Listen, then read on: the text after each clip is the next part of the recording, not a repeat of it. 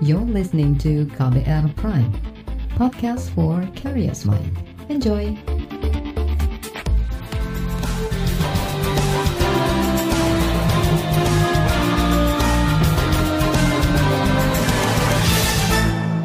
Halo, selamat sore. Apa kabar Anda sore hari ini? Kembali saya Reski Mesanto hadir di KBR Sore. Hari ini tanggal 7 Juli 2022 dan seperti biasa selama kurang lebih 30 menit ke depan, saya siap untuk menjadi teman Anda dan sore ini saya mau ajak Anda untuk membahas krisis energi dunia yang sudah berdampak ke Indonesia. Banyak orang beralih dari menggunakan bahan bakar non-subsidi ke BBM subsidi. Pemerintah mulai kewalahan mempertahankan harga jual BBM subsidi di dalam negeri karena kuota membengkak. Begitu juga anggaran subsidi yang melonjak. Di sisi lain, penggunaan BBM bersubsidi ternyata banyak yang salah sasaran alias dikonsumsi masyarakat menengah ke atas. Guna mencegah agar penyaluran BBM subsidi ini tidak semakin salah sasaran, Pertamina membatasi pembelian BBM bersubsidi, salah satunya melalui penggunaan aplikasi My Pertamina. Apakah upaya Pertamina ini mampu menekan kebocoran subsidi BBM? Mampukah Pertamina menekan subsidi BBM dari pemerintah agar tidak semakin membengkak? Kita bahas selengkapnya di KBR sore. Saudara PT Pertamina memperkirakan akan terjadi over kuota untuk penyaluran BBM bersubsidi hingga akhir tahun ini. Direktur Utama PT Pertamina Nike Widiawati memperkirakan kuota BBM Pertalite di akhir tahun akan mencapai 28,5 juta kiloliter dari semula 23 juta kiloliter. Prediksi itu mempertimbangkan naiknya tren mobilitas masyarakat yang terjadi belakangan ini. Pertamina juga mengakui penyaluran BBM subsidi belum tepat sasaran. Menurut Nika Widiawati, BBM subsidi lebih banyak dinikmati masyarakat menengah ke atas. Trennya adalah seperti saat ini, maka untuk pertalite atau jenis bahan e, bakar penugasan ini akan meningkat melebihi kuotanya. Jadi kuota untuk pertalite di tahun 2022 itu adalah 23 juta KL. Prediksi kami dengan tren hari ini maka akan meningkat menjadi 28 juta 500 KL. Jadi ada peningkatan. Namun kemudian pemerintah akan melakukan revisi dari Perpres nomor 191 tahun 2014 mengenai kriteria kendaraan yang berhak menggunakan BBM subsidi. Nah, kalau itu kemudian diterapkan dengan pembatasan asumsi kita lakukan tuh per 1 Agustus, kalau regulasinya sudah keluar, maka kita prognosakan menjadi 26,7 tapi masih tetap lebih tinggi dibandingkan prognosa itu. Jadi ada masih keningkatan 16 persen. Demikian juga dengan solar. Kalau kita lihat ini industri juga sudah menggeliat sehingga kita juga melakukan prognosa bahwa volume dari solar subsidi ini akan terjadi peningkatan juga. Dari kuota yang ditetapkan 14,9, jika masih kita lakukan seperti saat ini, maka ini di akhir tahun prognosanya 17,2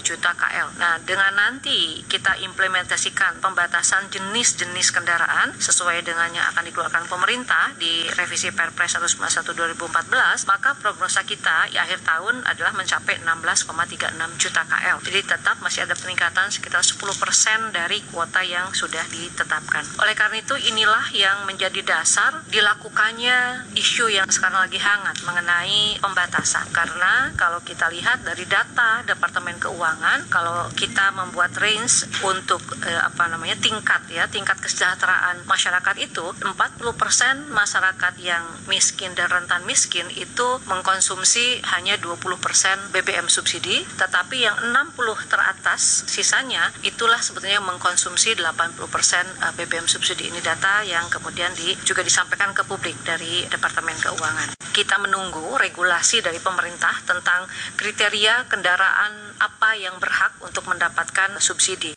Selain tidak tepat sasaran, disparitas harga keekonomian dengan harga jual BBM juga membuat subsidi BBM pemerintah membengkak. Saat ini harga keekonomian solar menembus angka Rp18.150 per liter. Sedangkan harga jual yang ditetapkan pemerintah pada solar bersubsidi hanya Rp5.150 per liter.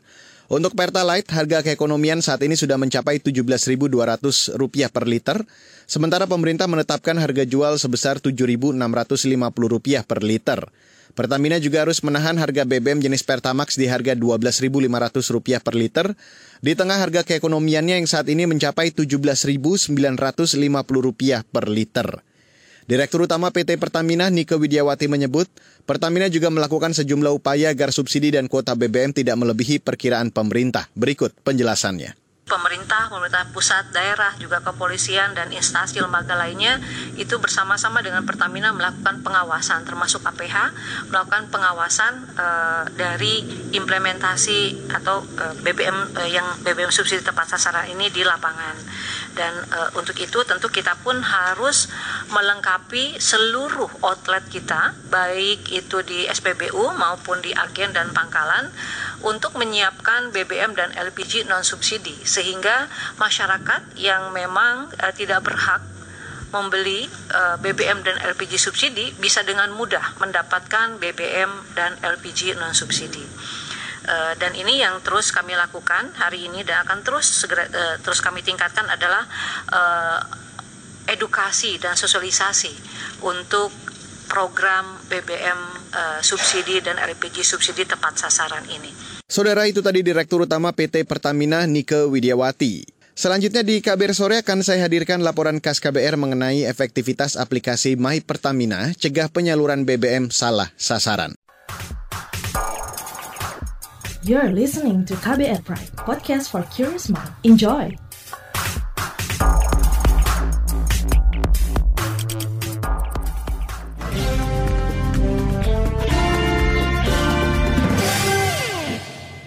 Saudara Pertamina membuka layanan aplikasi My Pertamina sebagai syarat bagi konsumen yang ingin membeli bahan bakar minyak bersubsidi jenis Pertalite dan solar. Penggunaan aplikasi di telepon selular ini menuai kritik dari publik. Seberapa efektif penggunaan aplikasi tersebut?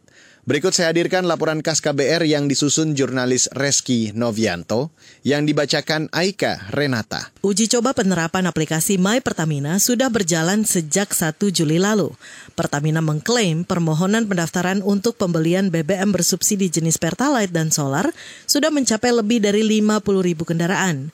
Pertamina menegaskan penggunaan My Pertamina pada uji coba tahap pertama diperuntukkan bagi kendaraan roda 4. Sekretaris Perusahaan Pertamina Patraniaga Irto Ginting mengatakan, masyarakat yang belum sempat mendaftar tetap dapat membeli BBM seperti biasa. Kata dia, perluasan penerapan uji coba nantinya akan dilaksanakan secara bertahap di sejumlah daerah ya karena banyak roda dua juga bertanya. Saya tegaskan di sini untuk pendaftaran saat ini kita buka untuk kendaraan roda 4 khususnya Pertalite. Untuk solar sesuai dengan Perpres 191 2014. Saat ini ada 11 kabupaten kota yang telah menerapkan kebijakan tersebut, yakni Kota Bukit Tinggi, Kota Padang Panjang, Kabupaten Agam, Kabupaten Tanah Datar, Kota Manado, Kota Sukabumi, Kota Tasikmalaya, Kabupaten Ciamis, Kota Banjarmasin, Kota Yogyakarta, dan Kota Bandung. Sebelum diberlakukan, rencana ini sudah dikritik. Salah satunya dari masyarakat di daerah yang jadi uji coba kebijakan ini, Bandung, Jawa Barat. Warga kota Bandung, Suduri Septa Mardia, meminta Pertamina menunda kebijakan itu, sebab infrastruktur yang tersedia belum lengkap.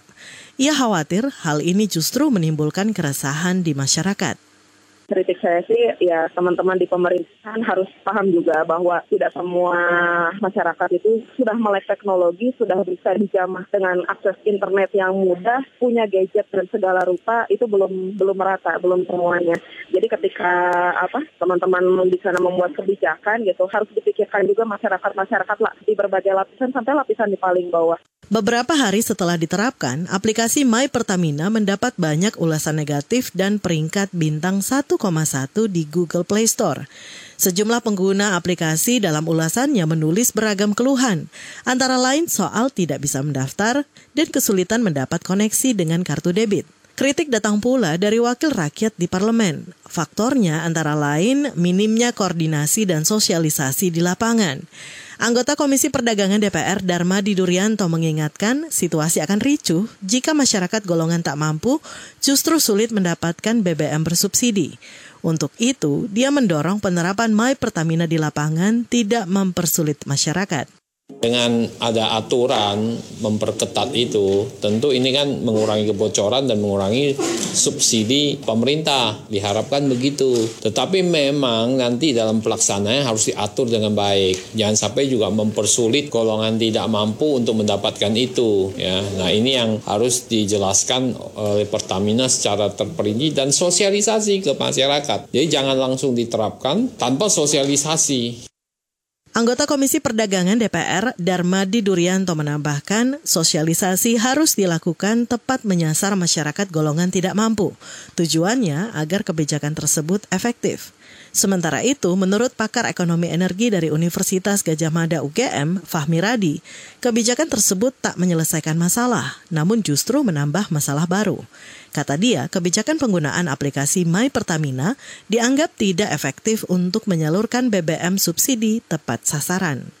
Nah, instrumennya itu menggunakan e-Pertamina. Nah, menurut saya penggunaan e-Pertamina tadi tidak efektif, akan menimbulkan masalah baru, dan kemudian tidak sesuai dengan tujuan dari pembatasan subsidi yang tepat sasaran tadi.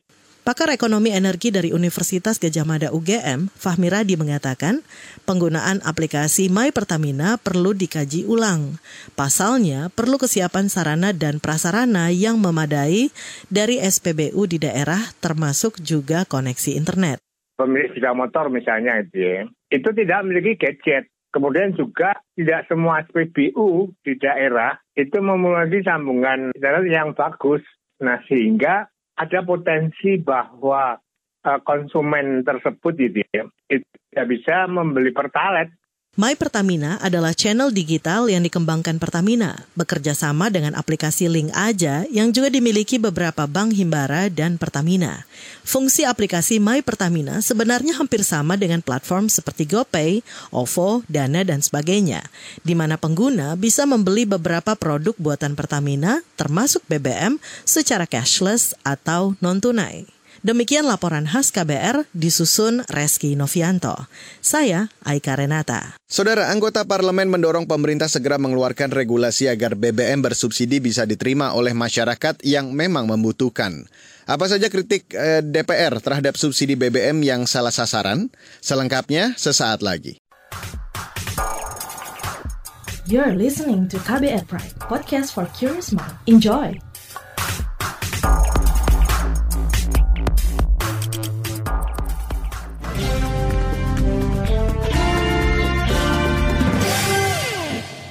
Saudara, Komisi yang bidangi energi DPR mendesak pemerintah segera mengeluarkan regulasi agar BBM bersubsidi bisa diterima oleh masyarakat yang memang membutuhkan dan tepat sasaran. Saat ini pengguna BBM non-subsidi cenderung berpindah ke BBM subsidi setelah harga BBM non-subsidi naik akibat krisis energi global. Konsekuensinya, subsidi yang harus dikeluarkan oleh pemerintah juga semakin tinggi. Dan selengkapnya saya ajak Anda untuk langsung mendengarkan perbincangan jurnalis KBR Astri Yuwanasari bersama anggota Komisi Bidang Energi DPR, Mulyanto. Dari DPR sendiri, dari Komisi Energi tentunya, selama ini kondisinya itu seperti apa sih Pak tentang subsidi BBM ini gitu Pak? Ya begini Mbak ya, yang pertama kita itu kan net importer minyak sejak tahun 2012 sehingga ketika harga minyak dunia naik, migas dunia naik yang dipicu oleh efek geopolitik dari perang Rusia Ukraina, maka uang yang kita harus rogok untuk mengimpor minyak kan jadi lebih banyak. Yang kedua, pasca pandemi COVID-19, industri kan mulai bergerak. Kemudian mobilitas masyarakat pun jadi semakin tinggi. Akibatnya membutuhkan BBM ya yang lebih banyak. Maka terjadilah peningkatan demand dari BBM ini, baik solar maupun pertalite yang disubsidi. Ini ada peningkatan. Yang kedua, untuk bahan bakar minyak yang umum, dalam hal ini Pertamax, eh, dinaikkan harganya oleh Pertamina ya, atas persetujuan pemerintah juga. Naik harganya, ternyata teramati fenomena pelanggan Pertamax sebagian ya, kita katanya 20 persenan itu bermigrasi menjadi pengguna Pertalite. Jadi kan semakin meningkat lah ya demand kebutuhan dari uh, Pertalite. Jadi kondisinya itu, Mbak. Jadi kondisinya demand meningkat untuk BBM bersubsidi. Nah, mengingat kondisi ini, pemerintah dalam hal ini Kementerian SDM mengajukan ya penambahan kuota baik untuk solar maupun untuk pertalite. Karena kalau tidak ditambah, ya ini keburu habis karena kan terjadi demand yang tinggi. Alhamdulillah dengan Komisi 7 pemerintah kita menyepakati untuk pertalite kita tingkatkan untuk tahun 2022 nambah 5 juta kiloliter. Sementara untuk solar nambah 2 juta kiloliter. Harapannya cukuplah untuk tahun 2022.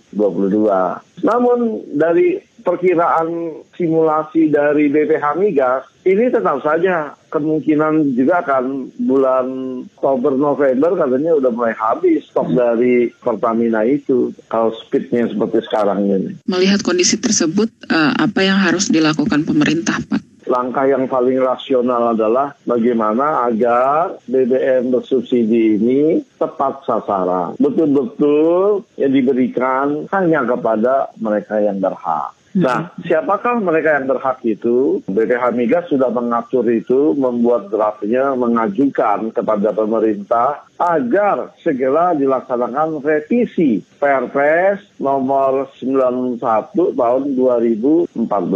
Karena di sana belum diatur tentang pengguna Pertalite. Juga terkait pengguna solar, masih perlulah dirincikan kembali. Nah, artinya pembatasan wajib dilakukan agar tepat sasaran. Namun ini juga yang pertama harus ada revisi uh, perpres terkait. Berarti apakah artinya penggunaan aplikasi My Pertamina ini bisa jadi salah satu solusi untuk mengontrol subsidi BBM ini, Pak? Saya nggak berbicara aplikasi, Mbak ya. Saya harus berbicara filosofi ya. Nah, ketika Perpres nanti sudah terbit, ini kita nggak tahu hari ini. Hari ini kalau saya pribadi sih mendesak yang dilarang itu adalah mobil mewah dengan CC di atas 2000 ya. Lalu tahunnya ya lima tahun terakhir, nah, itu disebut mobil mewah. Ini definisi mobil mewah dan mobil dinas. Selain itu ya tetap dibolehkan. Namun kemarin waktu rapat kerja pemerintah dengan Komisi 7, pemerintah mengusulkan lebih ekstrim. Seluruh mobil itu dilarang, kecuali mobil yang mengangkut penumpang umum. Yang kedua, mobil yang mengangkut barang, khususnya sembako. Kereta yang mengangkut sembako. Motor, oke. Okay. Nah, jadi mobil secara umum tidak boleh, kecuali, nah ini kan beda persepsi ya. Pertamina juga saya lihat sekarang masih logikanya mobil mewah ya yang menjadi perhatian. Hmm. belum jelas. Jadi pertama diperjelas dulu, menunggulah revisi itu. Sehingga jelas nanti yang mau didata yang mana. Yang kedua, kalau nanti perpresnya lebih simpel, simpel saja. Misalnya yang dilarang seluruh mobil kecuali angkutan. Ya perlu kan berbagai aplikasi. Misalnya kan kita di PSBBU ya, langsung aja garis kan, kasih garis seluruh motor silakan masuk ke klaster BBM bersubsidi kan, tinggal dikasih garis saja dikasih tambang ya. Kemudian untuk BBM bersubsidi yang boleh masuk misalnya hanya tadi mobil angkot, ya kan, kendaraan barang, bako, udah hanya itu. Mobil dinas selain itu nggak boleh. Hmm. sederhana, pengaturannya lebih mudah. Saudara itu tadi anggota Komisi Bidang Energi DPR Mulyanto. Selanjutnya di KBR Sore akan saya hadirkan pandangan pengamat ekonomi mengenai kebijakan pembatasan pembelian BBM bersubsidi. Selengkapnya sesaat lagi. You're listening to KBR Pride, podcast for curious mind. Enjoy!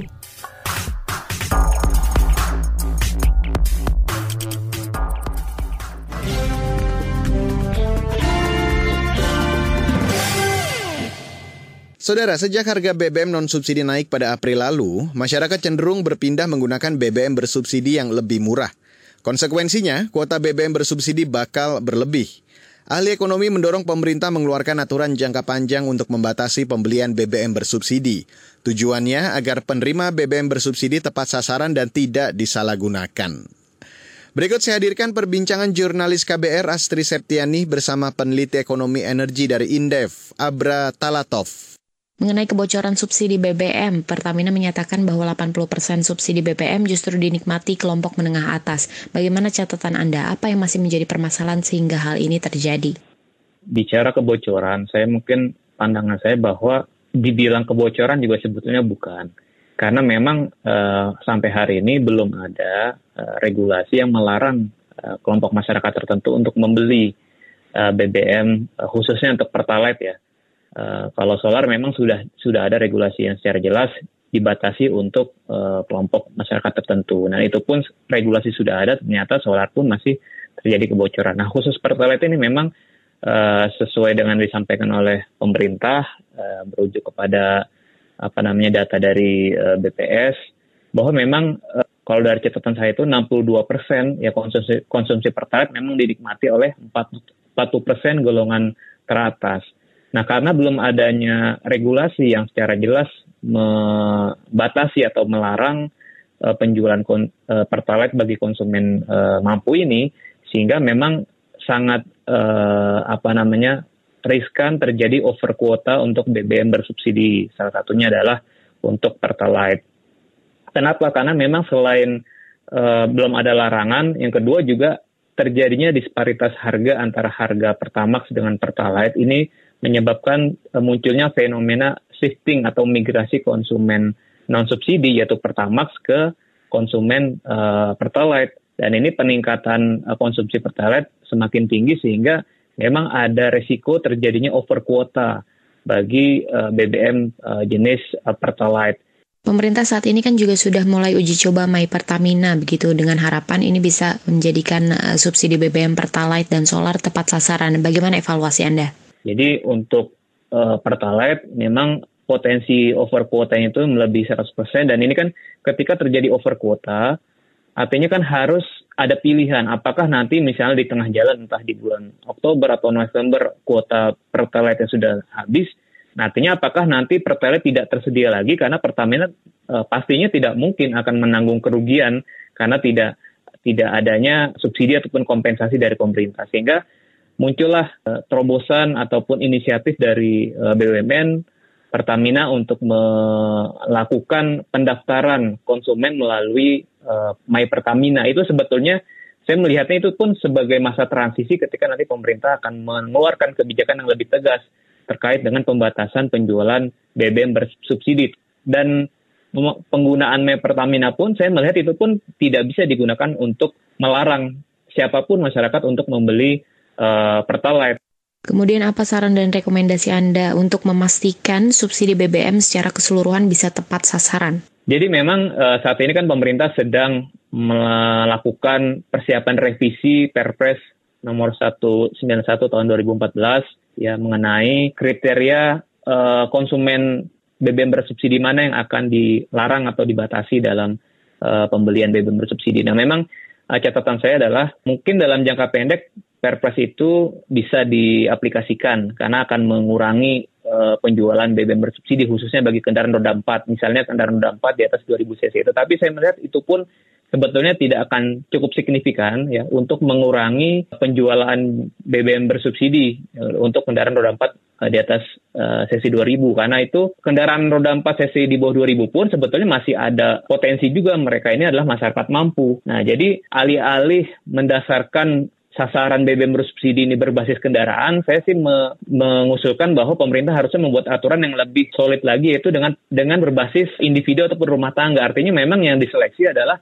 masyarakat yang memang memiliki penghasilan yang kecil ataupun yang pas-pasan. Artinya bukan hanya masyarakat miskin tapi masyarakat kelas menengah bawah ya yang memang masih memiliki kebutuhan yang besar untuk komponen pengeluaran untuk energi khususnya BBM. Ya, jadi bukan berbasis kendaraan tetapi berbasis uh, individu ataupun rumah tangga. Sehingga nantinya selain bisa menghemat anggaran subsidi dan kompensasi BBM, ini juga akan jauh lebih efektif ya untuk bisa menetapkan siapa masyarakat yang berhak mengkonsumsi BBM bersubsidi atau dalam uh, tahap selanjutnya pemerintah perlu menerbitkan aturan yang lebih tegas lagi. Artinya BBM bersubsidi ini menjadi komplementer atau pelengkap dari instrumen uh, program perlindungan sosial juga bagi masyarakat dalam bentuk adalah subsidi energi. Demikian perbincangan bersama ekonom dari Indef Abra Talatov yang juga menutup kabar sore untuk hari ini edisi 7 Juli 2022.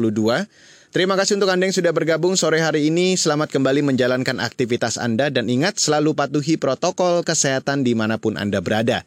Saya Reski Mesanto undur diri. Salam.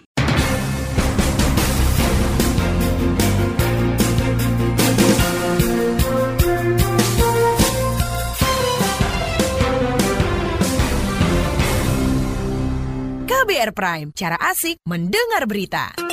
KBR Prime, podcast for curious mind.